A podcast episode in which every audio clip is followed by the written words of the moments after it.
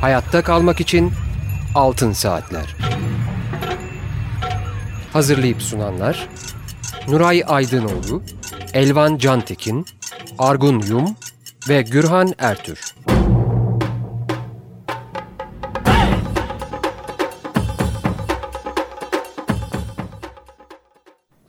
Açık Radyo 94.9'da Altın Saatler programını dinliyorsunuz. Bugünkü programı Elvan Cantekin ve ben Gürhan Ertür birlikte sunuyoruz.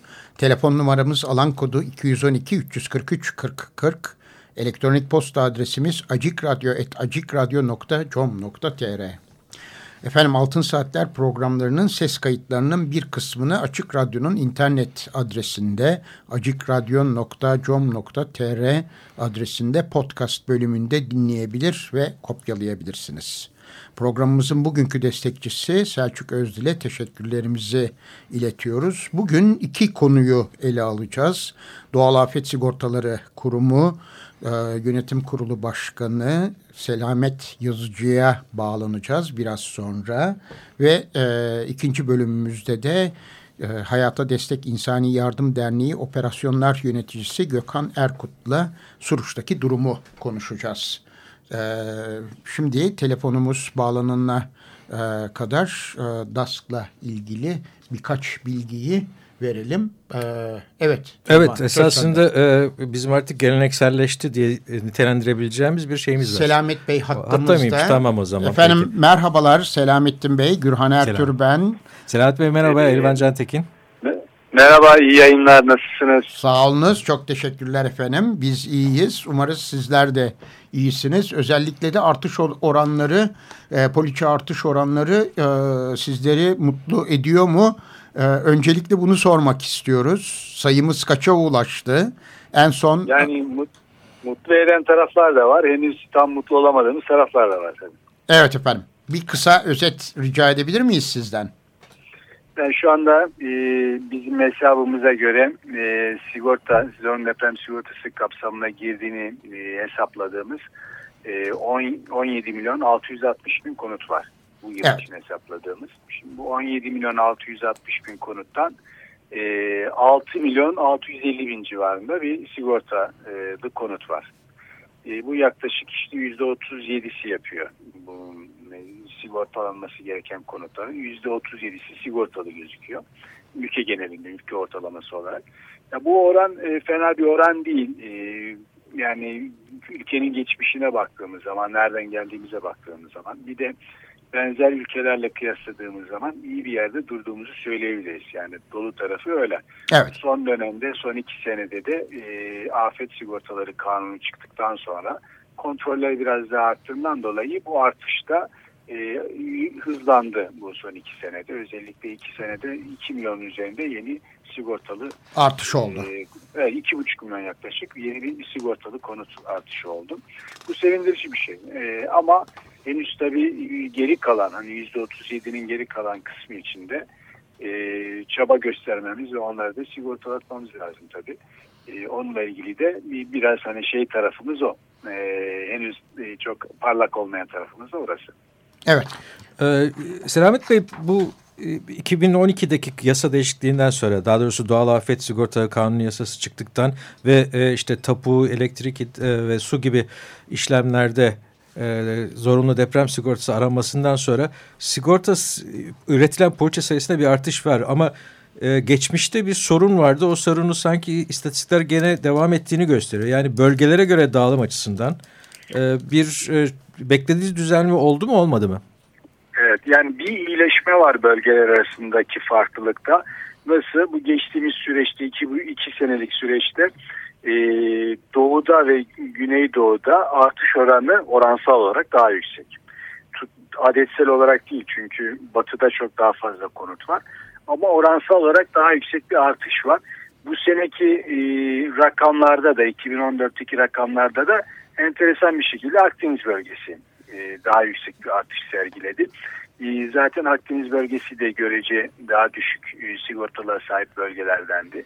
Bu sevindirici bir şey, bir düzelme var ama aradaki mesafe e, baya oldukça yüksek olduğundan dolayı aranın kapatılması biraz daha zaman alır. Mesela e, yani Marmara bölgemizde yüzde 46 sigortalılık var. Yüzde 46-47 seviyesinde bir sigortalılık var. En yüksek bölge bazlı sigortalık Marmara'da. Buna mukabil Güneydoğu Anadolu bölgesinde yüzde 24'e düşüyor. Ülke bölge genelinde. Şimdi arada baya bir fark var. Yani bunun kapanması için baya bir, bir hani biraz daha zamana ihtiyacımız var. Ama bir kapanma şeyi var. E, eğilimi var. Yani bu bölgedeki e, Van depreminden sonra özellikle bu bölgede biraz daha duyarlılık arttı diyebiliriz. Anladım. Bir de e, bir takım kampanyalar yürütüyorsunuz. E, bu e, işte reklam kampanyaları, tanıtım kampanyaları. E, bunun ötesinde bir de e, bir yarışmanız var galiba değil mi? E, şehirlerle ilgili.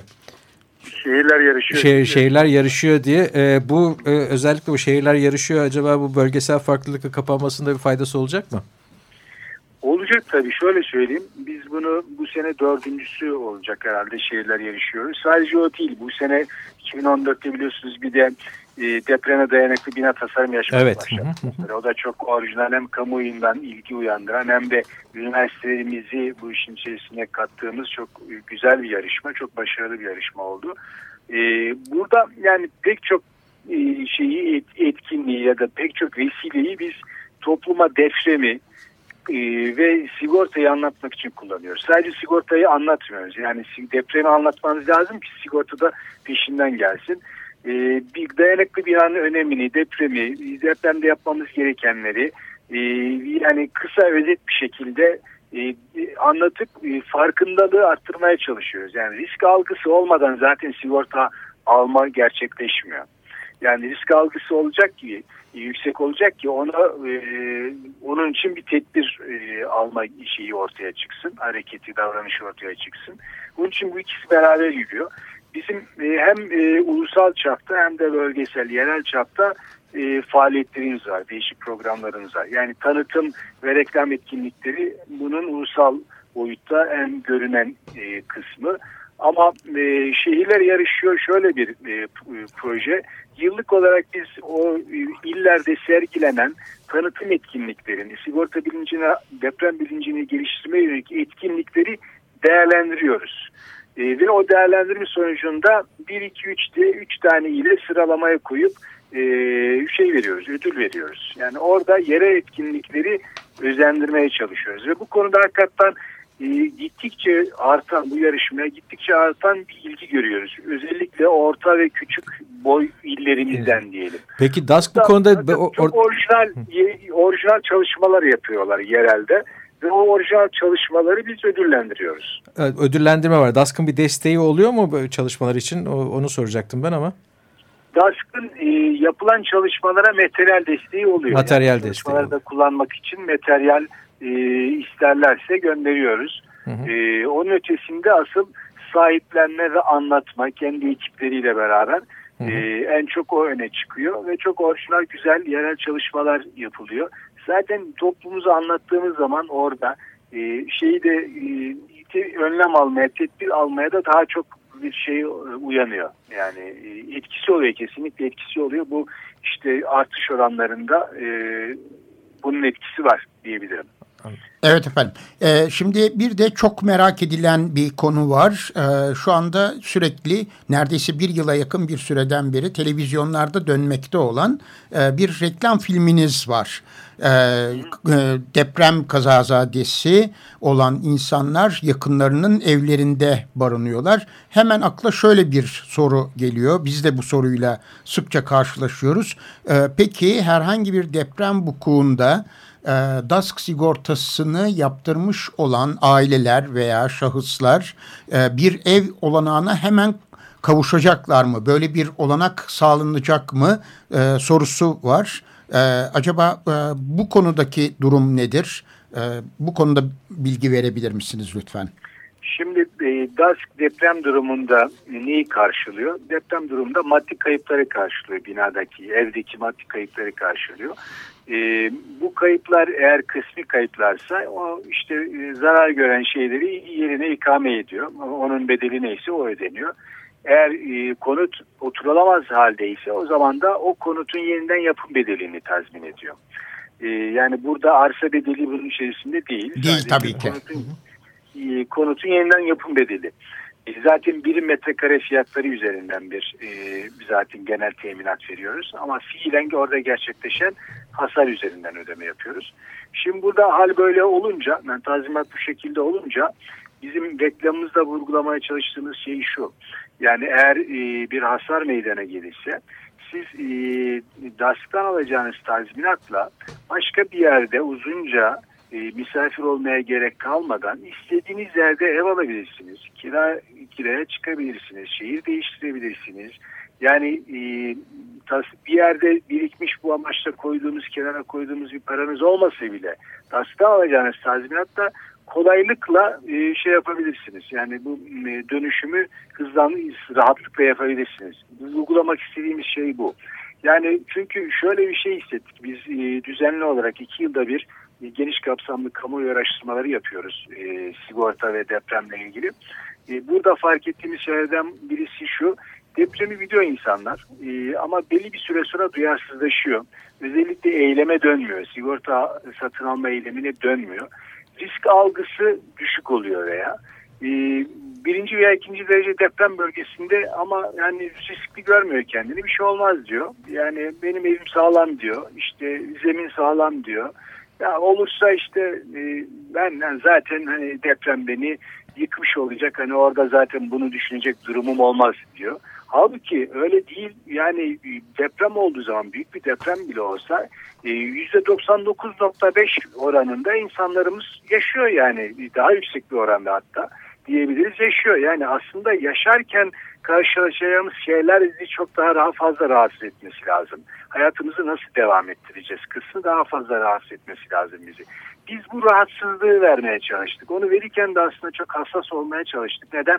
Çünkü misafirlik bizde çok önemli bir kavram. Çok tabii. Kavrama, çok hassas bir kavram. O kavramı zedelemeden, o kavramı zedelemeden ama yine de yani o kadar cömert olmamıza rağmen toplum olarak onun onun altında da insanın ezilebileceğini biraz hissettirmeye çalıştık. Hakikaten de öyledir. Dolayısıyla bunu bunu niye uğraşalım ki bununla? Niye bu yük olalım ki başkasına? Ya sigortamızı yapalım. Varsa başımıza öyle bir şey gelmişse ve evden çıkmamız gerekiyorsa alalım tazminatımızı gidelim e, başka bir yerde e, sağlam bir ilde ya da sağlam bir bölgede bir kira ya da yeniden ev alarak bir şeyimiz hayatımıza devam edilebilelim. Onu vurgulamaya çalıştık. Bu da aslında bir kısım eleştirilere rağmen çok e, kabul gördü bu, bu, bu şeyimiz, reklamımız diye düşünüyoruz. Yani şeye de gelen geri dönüşlerde bize onu veriyor. Zaten biliyorsunuz bir devam filmini de şu anda yayına koyduk. Evet. Ee, bir örnekleme yapmak gerekirse bu süreç Van depreminden sonra özellikle de DASK sigortasına sahip konutlarda nasıl gerçekleşti? Örneklemek mümkün mü acaba? Ee, Van depreminden sonra nasıl e, bizim bu ki o bölgede çok da düşük olduğunu biliyoruz. Siz de belirttiniz zaten. Şimdi şu şöyle söyleyeyim. E, yani Van'da hakikaten bir yıkım vardı ve ikinci depremden dolayı aslında olayın boyutları çok daha farklı bir noktaya ulaştı. E, ikinci deprem e, hem bizim açımızdan hem de genel olarak orada hakikaten hayatı daha zor hale getirmiş oldu. E, endişeleri de arttırdı. Orada sağlam e, olabilecek konutlarda bile insanlar kalmak istemediler doğal olarak. Şimdi orada ne kadar 7500 civarında sigortalımız vardı. %9'du sigortalık oranı maalesef düşüktü. Dolayısıyla biz o etkilenen kitlerin bir, bir, bir, bir, bir örneğini yani küçük bir örneğini e, şey yapmış olduk. E, tazminat ödemiş olduk sadece. E, ve e, biz 5 e, gün sonra hasar tespitlerine başladık. Yaklaşık 10 gün sonra da ödemelere başladık. Evet. O kadar hızlı bir şekilde e, şeylerimizi orada gerçekleştirdik faaliyetlerimizi. Ama ikinci depremden sonra ilave hasar tespiti gerektiğinden dolayı bir, biraz uzadı. Yani ama ortalamada şunu diyebilirim. Ortalamada insanlar bir buçuk iki ay gibi bir şeyde e, büyük bir kısmı e, şeyini almıştı. Hasarın tazminatını almıştı. Hatta şöyle bir rakam paylaşayım. 100 gün 100 e, gün şeylerin %70'i tazminatlarını almıştı. ilk 100 gün. İlk 100 gün içerisinde. Sonra. Çok, çok. Evet. %70'i. Geri kalan %30 da aslında bazı ihtilaflar olan hani aciliyet kesbetmeden işte e, tutarla ilgili sigorta ile tam anlaş, anlaşma sağlanamadığı durumları içeriyordu çoğunlukla. Hı hı. E, bu, bu da makul karşılanabilecek bir oran diye düşünüyorum. Öyle olunca hani e, sigortadan tazminatını alanlar acil ihtiyaçlarını giderdiler. E, eğer tam tazminat almışlarsa daha sonra e, devletten aldıkları afet konutunu bir sene sonra aldıkları afet konutu içinde bu ödemeleri e, ödemelerde bu tazminatı kullanmaya başladılar. Kullan, anladım. Yani birebir bir ilişki yok ama Hı -hı. teknik olarak şöyle bakmak lazım. Evet insanlarımıza bir evleri için bir afet konutu veriyor devlet. Ama onu krediyle veriyor. Yani 20 yıl faizsiz krediyle veriyor. Dolayısıyla onun bir geri ödemesi var. DASK'tan alınan para o geri ödemelere de yarıyor. Yani sonuçta onlar için de kullanılabilir. İkincisi bir de devlet sadece bir konut için veriyor. Bir dükkan için veriyor. E, halbuki birden çok olabilir. Yani kirada e, başka bir dairesi olup onunla geçiniyor olabilir. Dolayısıyla orada yani ikinci ev için hiçbir şey verilmediğinden ancak sigortayla karşılanabilir. Burada e, yani insanlarımızın gelirden yoksun kalması da bu şekilde e, söz konusu olabilmektedir. E, biz DASK'tan alınan parayla birebir ev alındığını hani e, gösteremeyiz. Onu hani Elbette. Tabii, tabii, ifade edemem. Tabii. tabii. Ama bu insanlarımız hayatlarını daha kolay bir şekilde idame ettirmek için gerekli acil paraya kavuşmuş evet. oldular. Çok rahat diyebilirim. Sa sağlam evet. bir kaynak olarak e, gözüküyor. Şimdi e, ben bir soru sormak istiyorum. Bu şeyin ikinci yılı, e, yasanın çıkışının ikinci yılı Mayıs'tı değil mi yasanın çıkışı yanlış hatırlamıyorsam? Mayıs'ta çıktı, 2012. Ağustos'ta yürürlüğe. Ağustos'ta. Evet, Ağustos'ta. Yani, e, neyse e, yani şu, şu anda tam iki yıl tamamlamışız. O, o yasadan sonra demin de konuştuğumuz gibi gerçekten ciddi bir şey zorlamanın da getirdiği bir artış var tabii. Sadece bilinçlenme değil. Ee, şimdi artık iki yıl geçtikten sonra şunu değerlendirmek belki mümkündür diye e, soruyorum bu soruyu. Bu e, zorlama nedeniyle gelenlerin sürekliliği nasıl? Yani bu insanlar işte tapu, elektrik, su falan gibi bir takım ilk başta hani e, sorunla karşılaştıkları noktada e, bu işi yaptırtıp ikinci defa yenileme oluyor mu? Bu ikinci defa yenilemeyenlerin bu hani dropout deyip e, diye tanımlayacağımız e, oran nedir? Bu konuda bilginiz var mı? E, ve hani bunu e, önlemek için ileriye dönük bir projeniz var mı? Yenilemeler şu anda bizim e, en önemli üzerinde durduğumuz konulardan bir tanesi. Çünkü şu ya da bu sebeple bir kere dokunduğumuz e, bir ev sahibine devamında sigortayı yenilemesini nasıl sağlamanız lazım ciddi bir sorun. Dediğiniz gibi yani sadece zorunlu olduğu için orada yapan işlem sırasında yapan vatandaşlarımızın bir kısmı e, ertesi yıl yenilemiyor. E, bunun için ne yapıyoruz? Acentelerimizi çok yoğun şey yapıyoruz. Yani aktif e, yönlendirmeye çalışıyoruz. Şeylerini takip etsinler diye sigortalarını. E, ikincisi çağrı merkezi, DAS çağrı merkezi aktif aramalar yapıyor. Yani bir telefon bilgisini poliçeye doğru giren el sahiplerini arıyor. arıyor. Haber veriyor yani şey olmadan önce. Cep telefonu mesaj gönderiyor. E, poliçe bittikten sonra e, sesli aramayla e, dönüyor sigorta için acenteye yine yönlendirme yapıyor. E, yani bir özellikle e, poliçe bittikten sonra bir, bir ay içerisinde takip eden bir ay içerisinde çok yoğun bir gayret var. DAS çağrı merkezi tarafından. Hı hı hı. Bunlara rağmen yine yenilemeyenler oluyor. E, şöyle bir rakam verebilirim belki genel anlamda. E, son dönemde biraz daha iyileşmekle beraber ya, yaklaşık %40'da bir yenileme var. %40'ında bir yenileme var. Ama %60 hala yenilemediğini görüyoruz. Evet. Çok büyük bir rakam değil mi? Bu büyük bir rakam. Yani %60'ın yenilememesi büyük bir rakam. Ama yüzde kırkı yani bunların büyük bir kısmının hani işlemde e, kontrolde e, sigorta yaptığını düşünürsek e, yüzde kırkının devam ediyor olması da önemli bir şey. Yani evet. burada sigorta ile ilgili bir genel kabulün olduğunu da gösteriyor. Ama eylemsiz kalıyor. Yani satın almayı alırım işte tamam yarın giderim vesaire derken kaçıyor. Onun için bu geri dönüş aramaları çok önemli bizim için. Bu aktif aramalar neticesinde zaten yüzde kırka kadar çıktı bu oran. Ama bu burada olmaması lazım. Yani bizim tam tersini çevirmemiz lazım. En az yüzde altmışının yenileniyor olması lazım. Evet. Ee, bu sistemin büyüyerek devam edebilmesi için. Onun için bir kısım işte hem tanıtım hem acentelerle ilgili onları biraz daha e, şey yapmak için, teşvik etmek için çalışmalarımız var. Daha faal olsunlar diye. Hem de bizim bu çağrı merkezinin kapasitesini de genişleteceksiniz. Efendim e, o neticesinde daha iyi bir oran çıkarmış oluruz. Evet bir zorlayıcı etken olarak 2012 yılında çıkan bu DAS kanunuyla birlikte işte elektrik su aboneliğinin bir e, şartı kuralı haline gelmişti. Acaba gene böyle bir zorlayıcı etken olarak örneğin e, ilk aklıma geldiği için emlak vergilerinin bir parçası haline getirmek mümkün müdür veya sizin bu konuda e, hükümetten geleceğe ilişkin olarak herhangi bir talebiniz olabilir mi?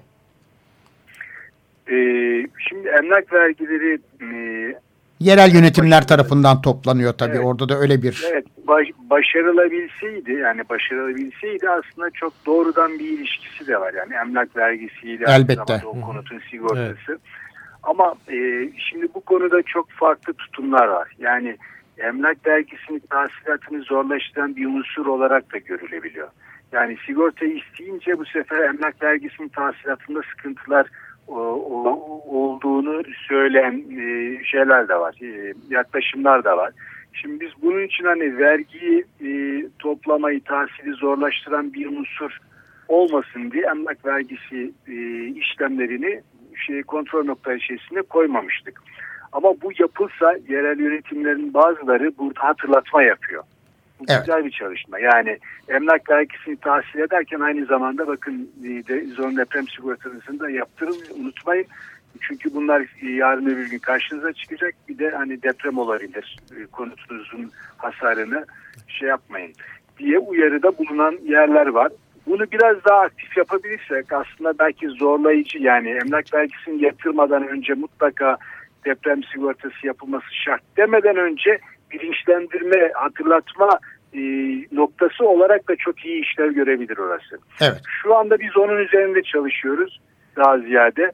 Yani e, elektrik su abonelik işlemlerinde olduğu gibi değil de yani orada işlem yapmanın şartı şu anda e, vergi e, toplamayı zorlaştırmamak için öyle bir engel olmasın diye e, şu anda bilgilendirme ve tanıtım noktası olarak nasıl kullanırız diye bir çalışma yapıyoruz bir kısım yerel yönetimlerle. Evet. Oradaki çalışmalar başarıya ulaşırsa daha genel bir pilot uygulamayı yaygınlaştırmak mümkün olabilecek evet. o zaman. Evet efendim. Aynen öyle. Şimdi Ama bir de hani Evet, şart buyurun. olarak şart olarak koyamıyoruz şu anda. Dediğim gibi vergi toplamayı olumsuz etkileyebilir diye. Bilir diye. Evet efendim. Şimdi e, bir, birkaç rakam vermek istiyorum. Kanunun yürürlüğe girdiği e, bu 17 Ağustos 2012 tarihinde 3.8 milyon e, poliçe var. E, fakat e, yaklaşık bir ay 10 gün içinde bu 4.4'e ulaşıyor. Yani çok hızlı bir artış tabii ki o zorla, zorlayıcı etken nedeniyle elektrik ve su aboneliği nedeniyle. Ee, ve e, sizin 2014 yılı içinde hedefiniz 6 milyon idi. Ee, o hedefe de ulaşıldığı görülüyor. Yani yıl sonuna varmadan o hedefe ulaşılmış. Ee, daha da enteresanı yüzde 27 iken şimdi e, Türkiye çapında yüzde 37 bir e, poliçe oranı sigortalılık oranı olduğunu belirtiyorsunuz. Evet. Buradan hareketle de gene bir 5 yıllık e, planınız var. 10 milyona çıkacağınızı e, hesaplıyorsunuz veya hedefliyorsunuz. E, bu e, gerçekçi bir hedef midir? Bu yılın hedefinin gerçekleşmiş olmasına rağmen bunu soruyorum. Özellikle de geriye dönüşler e, de göz önünde bulundurulursa. Yani biraz önce Elvan'ın sorduğu e, sorunun devamı olarak da kabul edebilirsiniz. Şimdi e, şu ilk yıl yüzde otuz gibi bir büyüme yakalandı 2012 yılında. 2013 yılında bu büyüme biraz daha düştü ama yine yirmi dörtler seviyesinde bir büyüme oldu. Bu sene yani üçüncü yılı bu aslında henüz tamamlamadığımız üçüncü yılın içerisindeyiz. Bu sene e, büyüme rakamları yüzde on beşler seviyesinde. Bu doğal hani ivmesinin azalmasını bekliyorduk zaten. Ama biz 2017 hedefini koyarken 10 milyon sigortalı konut e, bunu öngörmüştük ve e, özellikle ortalamada %15-16 seviyesinde bir e, şey yakalayacağımızı hesaplamıştık. E, şu anda gidişat e, o şey üzerinde gidiyor. Yani o, o büyüme e, devam ediyor. %15 seviyesinde e, yıllık büyümeyi bundan sonraki 3 senede de devam ettirirsek o zaman 10 milyon hedefine ulaşıyoruz. Evet. E, ama yani bu o yüzde on beş büyüme e, gerçekleştirilebilir mi diye soruyorsanız e, gerçekleştirebilir. Bu yaptığımız çalışmalar tamamen işte bunu gerçekleştirmeye yönelik. Yani biz bunun olabileceğini gördük, görüyoruz zaten. Bu seneki büyüme de yüzde on dört on beş arasında. İşte ay, aya göre değişiyor. Ama yılı yine yüzde on beşe yakın bir oranla bitireceğiz. Dolayısıyla e, bu yaptığımız e, çalışmalar, tanıtım çalışmaları, acentelerle ilgili yürüttüğümüz kampanyalar, yerel yönetimlerle işbirlikleri, kontrol noktalarının daha etkin işlemesi için yürüttüğümüz çalışmalar bunların hepsi bir kısmı şey oldu, e, gerçekleşti, realize oldu. Bir kısmı önümüzdeki sene daha iyi realize olacak projeler bu, bu şeyi rakamları taşıyacak e, bu büyüme oranlarıyla diye hesaplıyoruz. Yani gerçekçi bir varsayım o. Şu anda geriye dönüp e, iki sene önce önce yaptığı koyduk bu hedefi.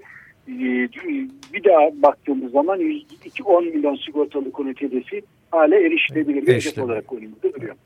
Ee, Selamet Bey bu noktada bir şey sormak istiyorum ben. Şimdi bu büyükşehir yasası ile bir, bir takım şeylerde kaç olduğunu şu anda hatırlayamıyorum ama e, köyler kalktı ve bunlar büyükşehir belediye sınırları içerisinde alındı.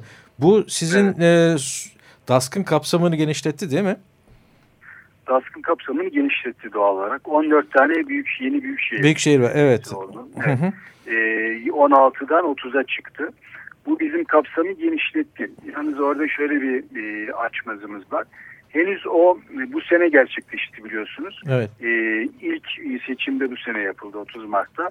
O rakamları yıl sonunda yansıtacağız bizim sigortalık e, sigorta yaptırması gereken konut rakamı yıl sonunda. E, o zaman bu sigortalık oranının düşme tehlikesi yok mu orada?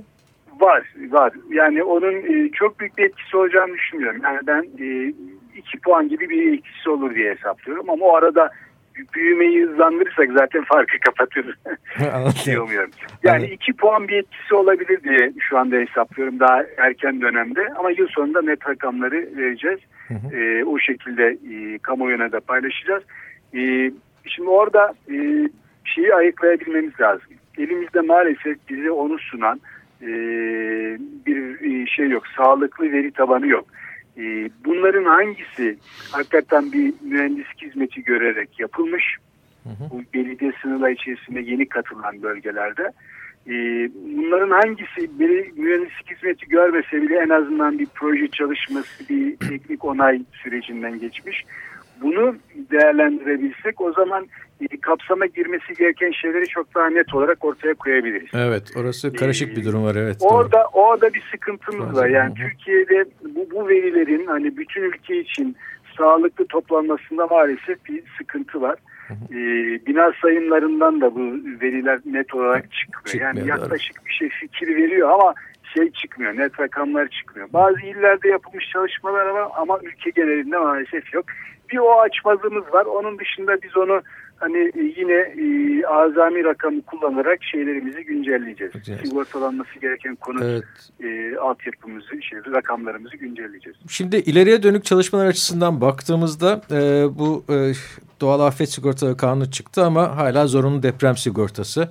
Kanun içerisinde belli noktalarda hani e, başka e, afetlerden de bahsediliyor ama e, çok hani... E, de, şey yok. E, e, nasıl kuvvetli bir e, vurgulama yok. Ama bu arada bizde sürekli bu iklim değişikliği kaynaklı bir takım şeyleri daha önce hiç Türkiye'de görmediğimiz bir takım vakaları görmeye başladık. İşte hortumdu, şuydu bu e, şeyler. Seller, sel, sel baskınları, su, ani su baskınları evet. filan gibi.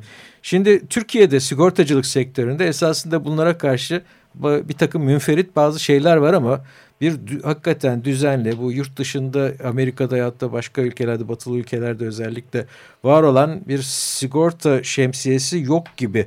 Ee, siz bu konuda hani genel sigortacılık anlamından da olsun şeyde e, doğal afet sigortaları e, kapsamında da olsun herhangi bir e, düzenleme düşünülüyor mu? Bu konular e, konusunda bir çalışma var mı? İleriye dönük olarak onu sormak istedik.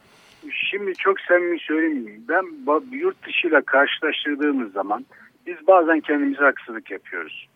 Yani bunu ben de bazen yapıyorum e, ama yanlış yapıyoruz. Nasıl yanlış yapıyoruz? Ben bir örnek vereyim mesela. Japonya'da 2011 yılında çok büyük bir deprem meydana geldi.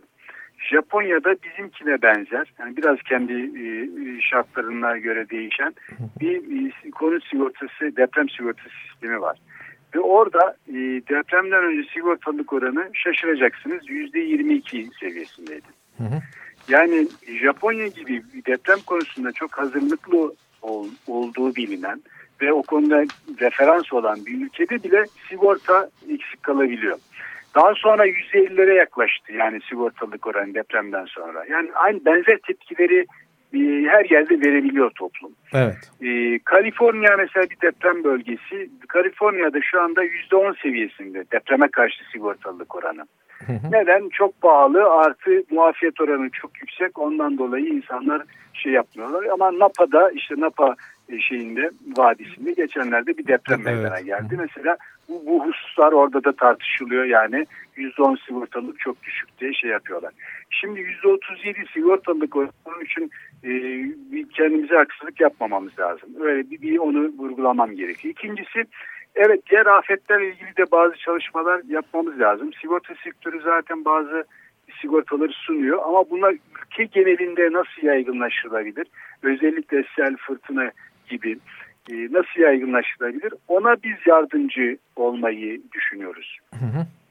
Bu konuda yani, bir çalışmalar olacak yani bir şeyiniz evet, var. Evet özellikle selle ilgili hani bir e, sel programının ülke genelinde yaygınlaşması için sigorta sektörüne nasıl yardımcı olabiliriz? Hı teminatı vererek tehlike haritalarının, risk haritalarının e, mümkün olmasını her bölgede e, kolaylaştırarak e, yani altyapı e, konusunda sigorta sektörünün önünü açarak onun üstüne onların bir ürün geliştirmesini sağlayarak e, yapmayı hedefliyoruz onu. Ne zaman olur derseniz bunu çalışıyoruz hani 200 seneden önce bu konuda hani somut bir şey e, ortaya çıkması e, mümkün görünmüyor. Ama arka tarafta böyle bir çalışmamız var. Anladım. Evet. Selamet Bey biz DASK'la ilgili programlar yaptığımızda bir, bir basit hesaplamayı da e, dinleyicilerimize ulaştırmaya gayret ediyoruz. O da şu e, ortalama 100 metrekarelik bir dairenin bugün için yıllık e, DASK maliyeti nedir diye size sorsak e, bize ne diyeceksiniz? Ee, bir ortalama rakamı söyleyeyim yani 6 milyon 650 bin konut için ne yapmışız? Onların ortalamasına baktığımız zaman yıllık 111 lira. 111 lira. Bunun karşılığında ne alıyoruz? Bunun karşılığında ortalama 71 bin lira teminat vermişiz ev başına. 71 bin lira. Evet. Gene bu 650 bin verebiliyoruz. 650 bin poliçenin e, ortalaması olarak 6, veriyor. 6 milyon 650 bin. Pardon 6 milyon. Evet. evet. Evet 6 milyon 650 bin. Yani 150 bin liraya kadar verebiliyoruz. Evet. Unutmayalım ki bu yeniden yapım maliyetini karşılıyor. Yani arsa bedeli bunun içinde değil çünkü arsa duruyor. Hı hı. E, 150 bin liraya kadar maksimum verebiliyoruz. E, yani verdiğimiz 70'in üzerinde verdiklerimiz var. Altında olanlar var. Ev küçükse, yeniden yapım değeri küçükse e, ortalama 71 bin lira teminat vermişiz. Evet yani şunu yani, söyleyebilir miyiz? Ee, özellikle poliçe yıllık maliyeti itibariyle e, enflasyon artışı dahi şeye eklenmemiş. Rakamlara eklen, eklenmemiş diyebilir miyiz? Çünkü iki sene önce de beş aşağı beş yukarı aynı rakamları Aynen öyle. telaffuz ya, ediyorduk. Varlık sebebi bu zaten. Yani bu bir sosyal proje, kar amaçlı bir proje değil bu. Yani e, DASK'ın varlık sebebi bu. Bunu topluma ödenebilir rakamlarla sunmak. E, eğer DASK olmasaydı ve bu, bu yapı olmasaydı muhtemelen bu rakamlar çok daha yukarıda olurdu. En az iki, iki katı olurdu. Yani e, bunu böyle görmek lazım. Yani bu o anlamda topluma e, ucuz e, deprem teminat sağlama açısından da çok faydalı. Şimdi bu ortalamayı verdim isterseniz hani çarpıcı olsun diye birinci derece deprem bölgesinde durum nedir? 100 metrekare bir Lütfen. betonarme konut. Evet. 164 lira. Evet. Yani riske göre değişiyor ama gördüğünüz gibi çok büyük sapmalar da yok. Yani 164 lira e, en e, riskli birinci derece deprem bölgesinde betonarme 100 metrekare bir konutun yıllık primi. Yani 164 lirayı pek çok şeye veriyoruz. Evet. Dileriz Yani e, bu e, yüzde 37 rakamını arttıracak e, bir e, unsur olsun. Bu basit hesaplama gerçekten öyle. Yani e, bir yıl içinde sigara paketlerine verilen parayı hesaplasak herhalde çok farklı rakamlara ulaşırız. Valla bu bir aylık e, şeydir dediğiniz e, şeyin maliyetidir Evet. bir aylık. Yani bir, aya hem sağlığımıza dokunuyor hem de cebimize Kesemize dokunuyor. Dokunuyor. Efendim size çok çok Oraya teşekkür ederiz. Sağlığımıza dokunmuyor. Evet. Dep- Depremden sonra bizi iyi ediyor. Bizim başımıza bize bir şey gelmese başka mağdurların e, yaralarını gideriyor. O Elbette. da güzel bir şey. Elbette. Evet. Evet efendim. Çok çok teşekkür ederiz Selamet Bey size. Hem verdiğiniz Ben bilgiler için ederim. hem de programımıza katıldığınız için. Evet ortak dileğimiz %37'nin e, yükselmesi en kısa zamanda ve 5 yıllık hedefinize de e, 10 milyon olarak ulaşmanızı e, biz de diliyoruz ve tabii ki e, DAS sigortası yaptırmamış olan e, dinleyicilerimize de bu görevi bir kez daha hatırlatmış Evet, ya- oluyoruz. Bir defalık yaptırıp da bir daha da yenilemeyenlere de aynı şeyi söylemek lazım. Esas Evet. bence ciddi problemlerden bir tanesi önümüzdeki yıllarda iyileşme sağlanmazsa bu olacak gibi gözüküyor. Çok Evet. doğru. Çok doğru. Onu Evet. sağlamak lazım. Evet efendim. Çok teşekkürler. Tekrar teşekkürler. İyi günler diliyoruz. Hoşçakalın. Evet Açık Radyo 94.9'da Altın Saatler programında ilk konuğumuz Sel- Selamet Yazıcı Bey'di. Ee, DASK Yönetim Kurulu Başkanı. Ee, şimdi bir kısa müzik parçası dinliyoruz ve hemen arkasından Suruç'a bağlanıyoruz. Suruç'taki son durumu alacağız.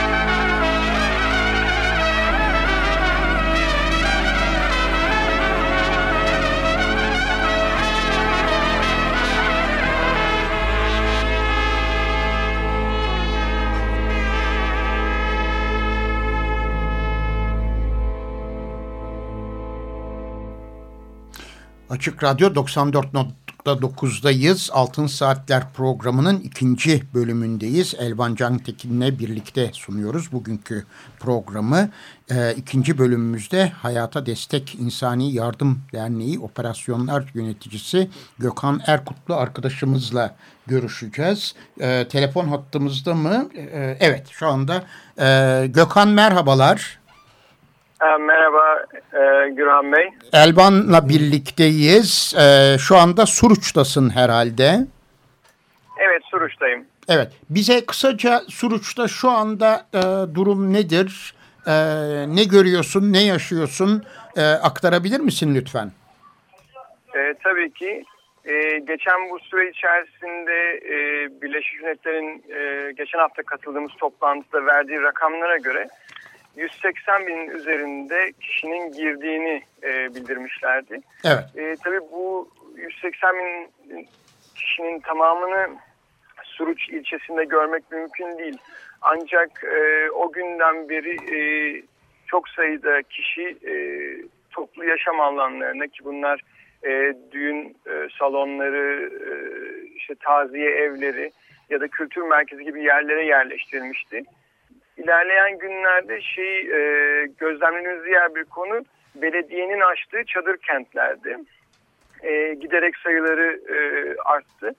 Bugün aslında baktığımda şu an itibariyle e, beş tane çadır kent e, kurulmuş durumda. Yani dördü kuruldu, beşincisi e, kurulma aşamasında. Gene Suruç'tan bahsediyoruz değil mi? Evet Suruç'tan bahsediyorum. Bunların sayıları tabii çok yüksek rakamlar olmamakla birlikte e, giderek kurulan çadır sayısı artıyor. Mesela e, son kurulan çadır kentte bugün itibariyle son aldığım rakamlara göre 450'ye yakın çadır var. Ve yeni kurulan çadır kentleri 600 kadar olması planlanıyor. Toplamda baktığımızda e, 1500'e yaklaşan bir çadır sayısı var. Şunu da belirtmek lazım. Bu çadırlar 4'e 4 metre 4'e 4 yani 16 metrekarelik çadırlar olmasına rağmen içinde yaşayan kişi sayısı gerçekten e, fazla. Yani ortalama bizim baktığımız sayı 8 ila 9 ki bunu bazı çadırlarda çok daha fazla yükseldiğini görebiliyoruz. Dolayısıyla hani e, popülasyon olarak kent yani çadır kentlerin popülasyon olarak da yüksek bir rakam var. Evet. E, buna karşılık olarak belki çok kısa şeyden de bahsedelim. Yani ihtiyaçlar bu noktada nerede e, darboğaza giriyor? E, yani sonuçta e, belediyelerin çok ciddi bir çabası var. Bunu gözlemleyebiliyorsunuz. Bir yandan e, AFAD ve kaymakamlık da çalışmalar yürütüyor. Ama burada yükün daha çok belediyelere kaydığını gözlemliyoruz. E, tabii belediyeler baktığınız zaman insan yardım alanında uzman e, birimler değiller ama daha çok e, çadır ve altyapı sağlama noktasında e, hizmet sunuyorlar. E, işin esas tıkandığı nokta bizim gözlemlediğimiz e, özellikle tuvalet ve duş noktasında ciddi sıkıntılar var. Burada ortalama bir rakam bugün e, aldığım rakamlar üzerinden söyleyebilirim tekrardan. E, 200 kişiye bir tuvalet ya da en iyi şartlarda 100 kişiye bir tuvalet olmak e, durumunda kalıyor. Bu da takdir ederseniz ki çok ciddi bir hijyen e, sorununa e, delalet ediyor. E, bu noktada e, bazı çalışmalar var ama dediğim gibi kurulan çadır sayısıyla kurulan tuvalet sayısı aynı hızda ilerlemiyor. Tabii tuvaletlerin hani sayısından da öte e, burada e, kadın erkek durumları da söz konusu. Kadınların güvenli şekilde tuvalete ulaşımı, e, kullanımı e, bunlar da hani sağlanması gerekiyor ama dediğim gibi zaten yeterli sayıda olmadığı için diğer konularda e, arka planda kalabiliyor. Bir diğer nokta özellikle çadır kentlerle ilgili gözlemlediğimiz e, çadırların kışa hazır olmadığı. Dolayısıyla çadır izolasyonu e, özellikle bugün baktığımızda bu yere dökülmüş mıcırların ya da e, taşın üzerinde insanlar yatıp kalkıyorlar ki e, önümüzdeki gelecek kış aylarını düşünürsek e, ciddi sağlık problemlerine sebep olacak bunlar. Dolayısıyla çadır izolasyonları önemli. Isınma, kışlık kıyafet e, ve dediğim gibi aslında hijyen diğer kritik bir nokta. E, bunun dışında gene insanların hani psikolojik durumlarının da e, ön plana çıkarılması gerekiyor. Onlarla ilgili ciddi çalışmalar yapılması gerekiyor. E, bu insanlar gerçekten e, zor anları atlatıp buralara geldikleri için de şu anda da zor şartlarda yaşadıkları için e, psikolojik durumlarıyla ilgili bazı çalışmalar, sosyal çalışmalar yapılması gerekiyor. Evet bir de sınıra çok yakın bir bölgede olmanın da dezavantajları var herhalde değil mi? Çünkü e, psikolojiden bahsediyoruz, sığınmacıların psikolojisinden bahsediyoruz ama e, her an e, bir e, savaşın e, ortasında e, bulacak gibi hissetmeleri de önemli etkenlerden birisi olsa gerek. Bu konuda hiç gözleminiz var mı? Kesinlikle burada e, hani sınıra çok yakınsınız. Ortada sınır dediğimiz bir e, olgu var ama bu görünmez bir duvar sonuçta. E, ama şeyi etkilemiyor. Bu psikolojik durumlarının e, kötü olması yani daha iyi hissetmelerini sağlamıyor. Burada tabii devamlı olarak e, Kobane'deki gelişmeleri takip ediyorlar ve e, oradan gelen haberlerle sevinip üzülebiliyorlar. Bir de oraya da olmamanın ne olduğunu anlamamanın verdiği belirsizlikler de var. Kendi gelecekleriyle ilgili belirsizlikler var. Hani burada ne kadar kalacaklar, dönebilecekler mi? Dolayısıyla böyle bir sınırda olup bu haberlere devamlı e, maruz kalıyor olmak doğru ya da yanlış birçok haber geliyor. Dolayısıyla bu böyle bir dalgalanma da yaratıyor ruh halleriyle ilgili olarak. Evet. Ne kadar zamandan beri bölgedesin Gökhan? Ee, biz aslında Ekim başında geldik. Önce bir değerlendirme yaptık, durum değerlendirmesi. Akabinde de e, köylerde bir yardım faaliyeti başlattık. E, merkezde yardımın e, olduğunu düşünerekten. E, köylerde gıda, hijyen malzemesi, mutfak malzemesi, battaniye dağıtımı yaptık. Hala sürüyor aslında yaklaşık bir 800 aileye yakın e, bir gruba ulaşmış olacağız. Bugün devam eden dağıtımlarımız var. Onun dışında kamplarda dağıtımlarımız oldu. Ee, sıcak yemek dağıtımı yapılıyordu. Onları kolaylaştırıcı bazı e, sefertlis gibi malzemeler dağıttık. Ee, ama bugünkü gözlemimiz aslında bugün şu andaki gözlemimiz farklı bir yere yönlendiriyor. Ee, o da e, Suruç'un mahallelerinde bulunan e, bitmemiş inşaat halindeki evlere sığınan ya da bu e, çırçır depoları dediğimiz aslında pamuk ve buğday deposu olarak kullanılan yerlere sığınan birçok aile var ve gerçekten şartları, yaşam şartları kötü. Bir de dediğim gibi büyüyen bir çadır kent var ve bunların ihtiyaçları var. Dolayısıyla aslında yardım faaliyetlerimizi bu iki noktaya e, bundan sonraki süreçte yönlendiriyor olacağız. E, kışa hazırlık e, şu anki en büyük e, gündem maddelerimizden biri. Evet, şu an itibariyle bölgedeki e, sıcaklık durumu nedir? E, aslında bugün e, hani güneşli bir hava var ama yaklaşık 10-12 derece e, şeklinde. Evet. E, burada problem biraz daha yağışlarla birlikte başlıyor. Çünkü bahsettiğim çadır kentlerin altyapısı e, tam olmadığı için yani normal e, mıcır üzerine kurulmuş e, çadırlar ve e, su basmanları yok. Dolayısıyla e, yağmur yağdığı an çevredeki toprak, çevredeki yerler anında su gölüne ve çamura dönüşüyor. Bu da hani çadırları çok ciddi bir şekilde etkiliyor tabii. Dolayısıyla yağışlı havalarda ve soğuyan havalarda ciddi bir e, risk görüyoruz. Gece gündüz ısı farkı nedir? E, burası biraz daha e, kurak iklim olduğundan dolayı biraz daha çöl iklimine yakın. Dolayısıyla geceleri ciddi bir soğuma oluyor. 10 derece bir fark var. Evet. E, Peki e, şimdi çok yüksek miktarda bir şey var. E, Kobani'den gelenler var Suruç'ta. E, şeyin sınır boyunca başka yerlerde e, çeşitli bölgelerden gelenler var.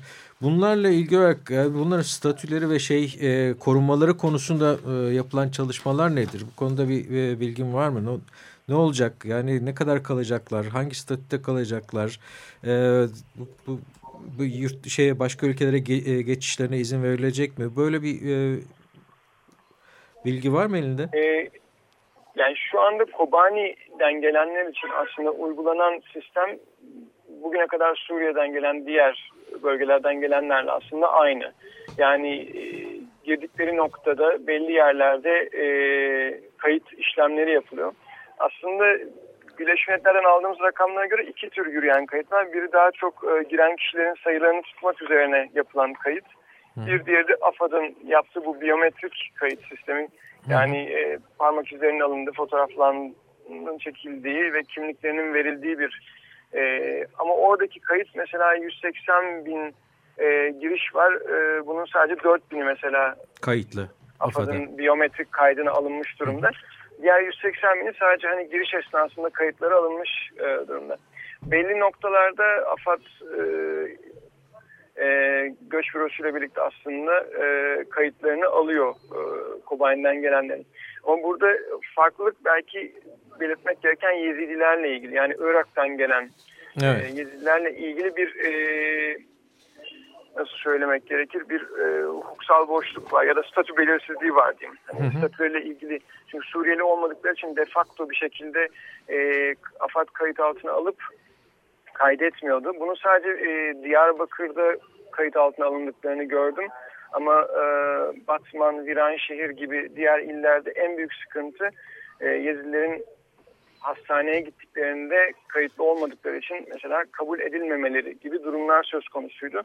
E, kabulleriyle ilgili de durum belirsizdi. En azından benim gördüğüm hani e, bu bölgelerde.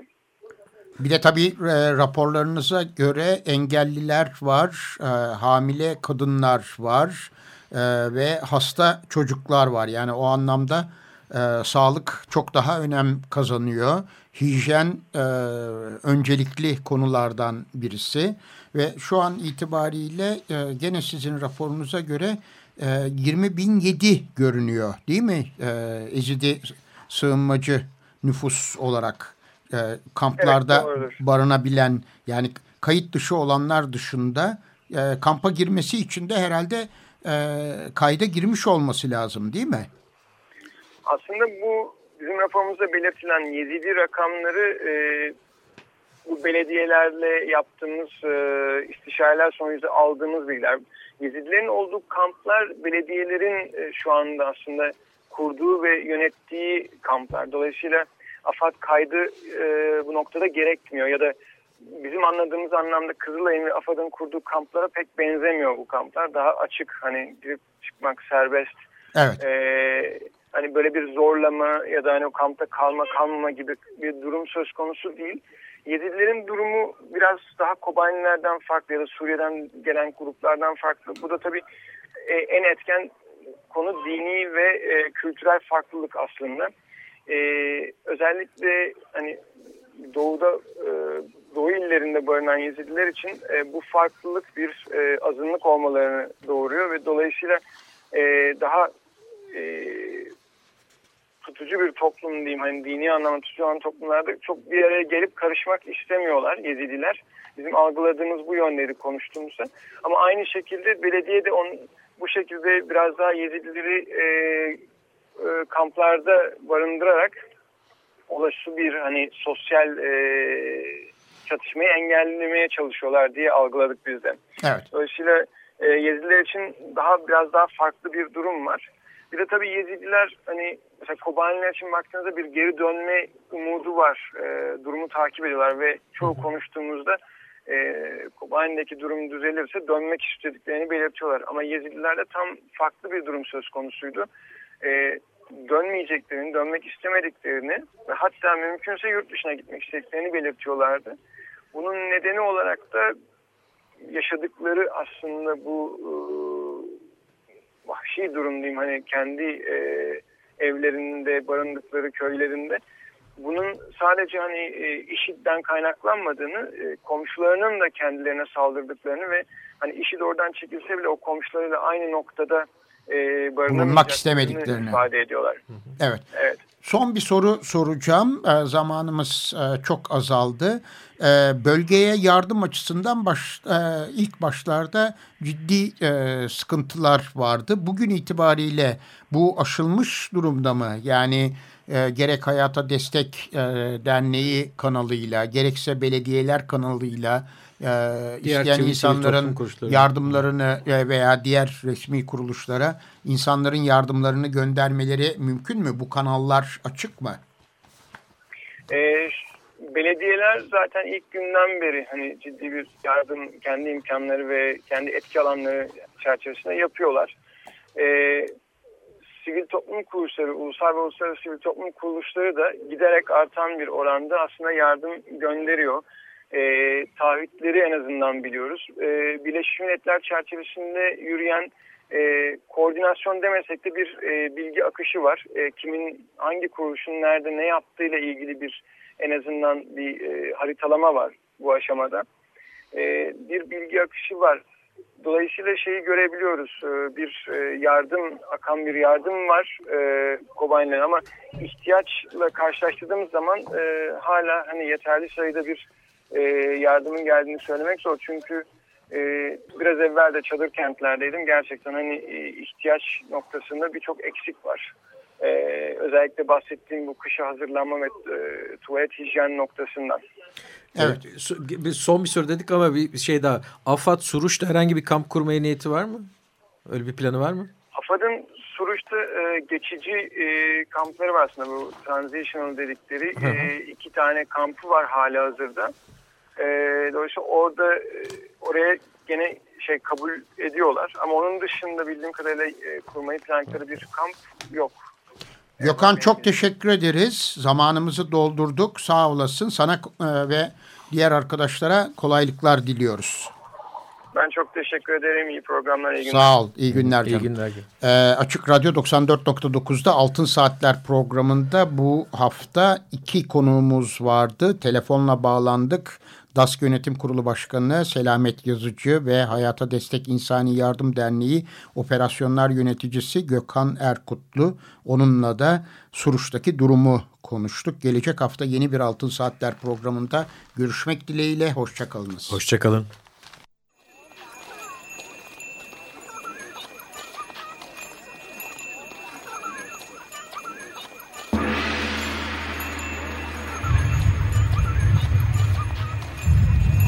Hayatta kalmak için Altın Saatler.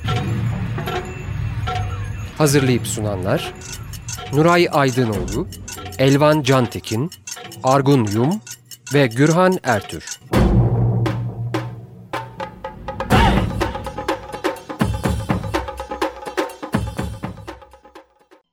Açık Radyo program destekçisi olun. Bir veya daha fazla programa destek olmak için 212 alan koduyla 343 41 41